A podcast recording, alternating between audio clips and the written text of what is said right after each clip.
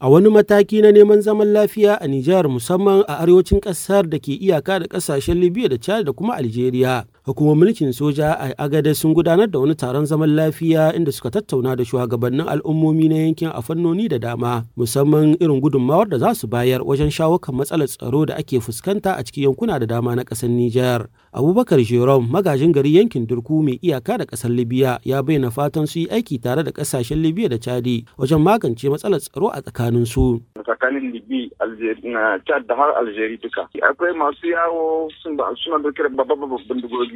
Ana yin traffic, ana yin komi da komi. A bisa hanyar wannan duka ana yin tarbe-tarbe. Kun mun duba mun zama mun gani shine muka ce to tsakanin mu za mu yi taro wanda za mu sa ai magana tsakanin Libya Niger, ai magana tsakanin Niger da Chad. Ta yanda tsakanin mu wani ya yi wani abu a nan ta sama wani ya ce Libya ya zamanto su mai da mu kuma mun wani ya yi wani ya yi laihi wajen ya zai wurin mu mu ma kuma mu mu gaya musu. Kwanciyar hankali shine mu abin da ya dame mu. Jagororin al'umma da ƙungiyoyin fararen fulla sun ɗauki alkawulla na kawo nasu taimako a shawo kan matsalar tsaro. A galibarka 'yan ƙungiyar farar fulla ne a agades abin da muka iya duka muna yin shi. Mu yi regroupe chef de village chef de tribune chef de mu yi musu jawabi. In babu lahiya babu wanda za ya zama gidan shi. Kuma mun sani mutanen nan da suka yi wannan abu. Don wannan abu mun gani fi sabilillahi abu da yawa ya sake. Amma da yardan Allah in mutane sun tahi bisa wagga tahiya to kun san mutane fi sabilillahi suna so suna goye mu baya amma mutane wadansu tsoro gare su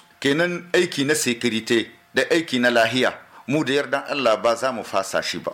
Kwamitin zaman lafiya na yankin Ciro da ke cikin jihar Agadez na ganin akwai buƙatar a samar da wani tsari na fahimtar juna tsakanin al'umma wanda hakan zai sa a yi watsi da tsatsauran aƙidu da kuma neman taimakon kowa wajen magance matsalar tsaron. Gisa Attahir, mamba a kwamitin zaman lafiya na Agadez. Mutane su kula da kansu su kula da kasa saboda ka na kowa. Yanzu ka na bandi ƙarami ƙarami wannan su ne za su sha wa maye-mayen bandi wanda ba iya fidda su sun shigo gararwa. Shi yasa ya kamata kowa da kowa ya kawo gudunmawar su kawo ya kawo taimakon shi bisa harka sigar wannan saboda Bremen tana yawa kuma kowace rana karawa take.